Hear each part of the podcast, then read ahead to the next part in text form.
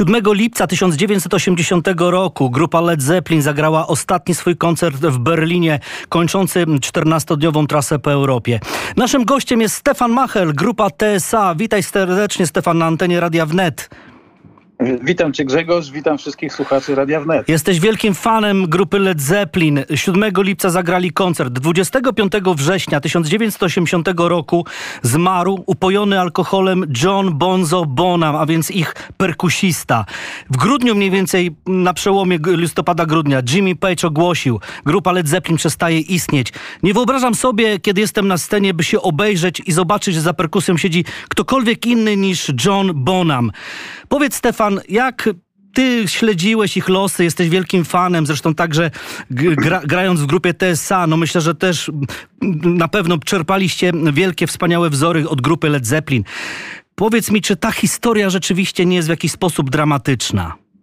No, ta historia to okazuje się, że jest bardzo dramatyczna, bo e, muszę tutaj powiedzieć, że ja Led Zeppelin usłyszałem pierwszy raz, jak miałem lat 10 w 1970 roku i po prostu ścięło mnie z nóg, chociaż byłem dziesięcioletnim e, chłopczykiem, to jednak e, zostawiło to tak trwały ślad w moim umyśle, że po kilku latach e, nie miałem już wyjścia, musiałem chwycić za gitarę i, i zacząć grać. Także to, to, to, to, akurat Led Zeppelin to w sposób bardzo szczególny na mnie wpłynęło, bo ukształtowało mnie praktycznie od dziecka. Ale Stefan, zobacz, cały ten dramat Johna e, Bonzo Bonama, e, to był, to był straszny dzień, 25 września. On od rana pił alkohol już na śniadaniu, kiedy jechał ze swoim menadżerem na próbę zespołu. Cały dzień spożywał alkohol. Upojony alkoholem e, przez kolegów został położony w pokoju, to było w posiadłości Jimmy'ego Page'a i już się nie obudził, prawda? Czyli jakby alkohol i to, co się działo w środku go zabiło. I wydawało się, że można powiedzieć, że perkusista mimo wszystko Led Zeppelin jest w stanie zastąpić, ale jednak on był tak mocno związany z grupą, że te słowa Jimmy'ego Page'a, nie wyobrażam sobie obrócić się na scenie i zobaczyć za perkusją kogoś innego. Tam zawsze siedział Bonzo i, to, i jesteśmy mu to winni i to by było wobec niego nie fair. Jakie to jest niesam... Jak oni niesamowicie byli ze sobą związani, prawda? Ta czwórka. Ja myślę, ja myślę, że to, to u, u podstaw takich wypowiedzi leży przede wszystkim to, że oni ze sobą grali, bo, bo to, że, że byli kumplami, no to, to jest dla mnie oczywiste. Natomiast oni współ, współtworzyli taką synergię na scenie, w studio i no, w każdych innych okolicznościach, kiedy grali, że tego nie sposób było odtworzyć yy, inaczej. Na, yy, podjął się potem tego syn Bonama Jason podczas jedynego koncertu, jedynego takiego pełnowymiarowego koncertu, który zagrali w 2007 roku. I, I powiem ci, że udźwignął temat, bo znam ten koncert doskonale i naprawdę y, dobrze, jest, dobrze się tego słucha. Natomiast tam w 1900, y, między 1970 a 80 rokiem, no to oni dokonywali cudów na scenie, między innymi dlatego właśnie, że, że, że był tam y, John Bona. No słynny Moby Dick, prawda? Utwór na perkusję, co się rzadko zdarza w świecie rocka. To znaczy solówka perkusji, no to często się przewija w, w, podczas koncertów zespołów rockowych. Natomiast ja uwielbiałem, uwielbiam patrzeć na tego gościa, jak on gra na perkusji w każdej możliwej sytuacji. On nie musi grać solówki. Dla mnie on cały czas gra solo na perkusji. W, w każdym utworze od początku do końca dla mnie to jest po prostu nieprawdopodobne, co ten gość potrafił na tej perkusji zrobić. No.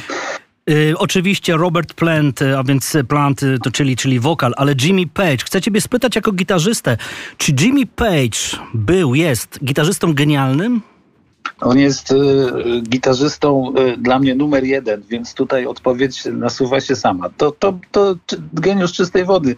Niektórzy zarzucali mu niechlujność grania podczas występów na żywo, ale wynikało to z tego, że te chłopaki naprawdę, oni sobie nie odmawiali niczego, a, a zdaje się, że, a, że Alko to, to, to, to, chyba w szczególności. No takie były czasy, że po prostu tak. piło się zawsze i wszędzie. No, mm. Nie można tego powiedzieć o czasach dzisiejszych, bo ten show biznes już jest inaczej skonstruowany, na takie rzeczy po prostu już nie ma miejsca. Dokładnie. Ale kiedyś y, to było możliwe. Być może, że dzięki temu, że oni byli tacy odjechani, przez to właśnie to powstawały tak niesamowite rzeczy. To też można się tutaj, tutaj gdzieś e, czegoś doszukiwać.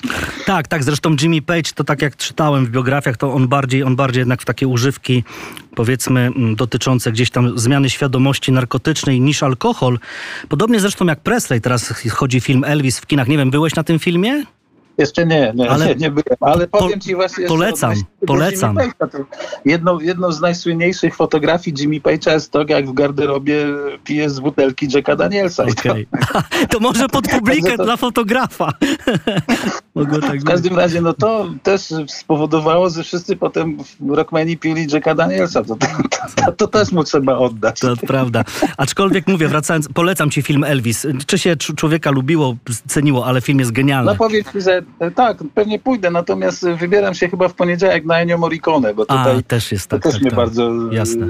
za, zakręca ten temat muzyki filmowej, także tak, taka mała dygresja. Jasne.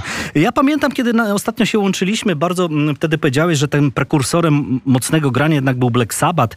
No i teraz pytanie, czy Ozzy Osbourne jednak jakby większy, czy też, czy, też, czy też bardziej właśnie taki w świadomości fanów mocnego grania niż Robert Plant, a Tony Iommi niż Jimmy Page, czy nie? Czy to jest w ogóle nie, nieporównywalne?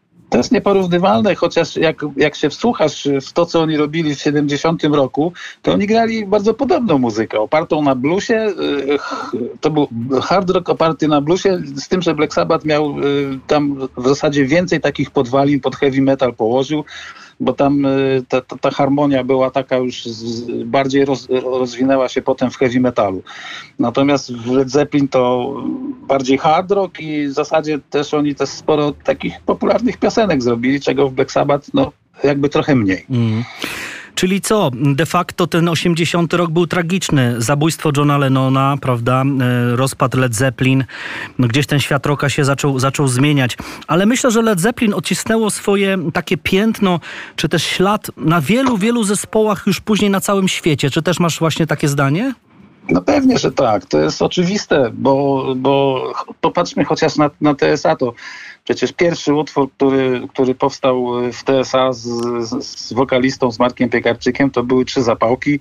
No tutaj nie trudno się doszukać, że, że brzmieniowo i, i, i w jakiejś formie, czy, czy, czy, czy, czy w charakterze, no, przypomina niektóre dokonania Led Zeppelin. Y, Idąc potem dalej przez, przez karierę TSA, mm, na ostatniej płycie nagranej y, w 2004 roku na procederze jest taki utwór na przykład jak Tratwa, który też, też klimatem przypomina Led Zeppelin. Także za, z, w TSA też na pewno ten, ten, ten Led Zeppelin tam się mocno, mocno odcisnął. No to jeszcze cię spytam, skoro rzeczywiście powiedziałeś, czy gdzieś ze sobą rozmawiacie, czy TSA będzie reaktywowane po śmierci Andrzeja Nowaka?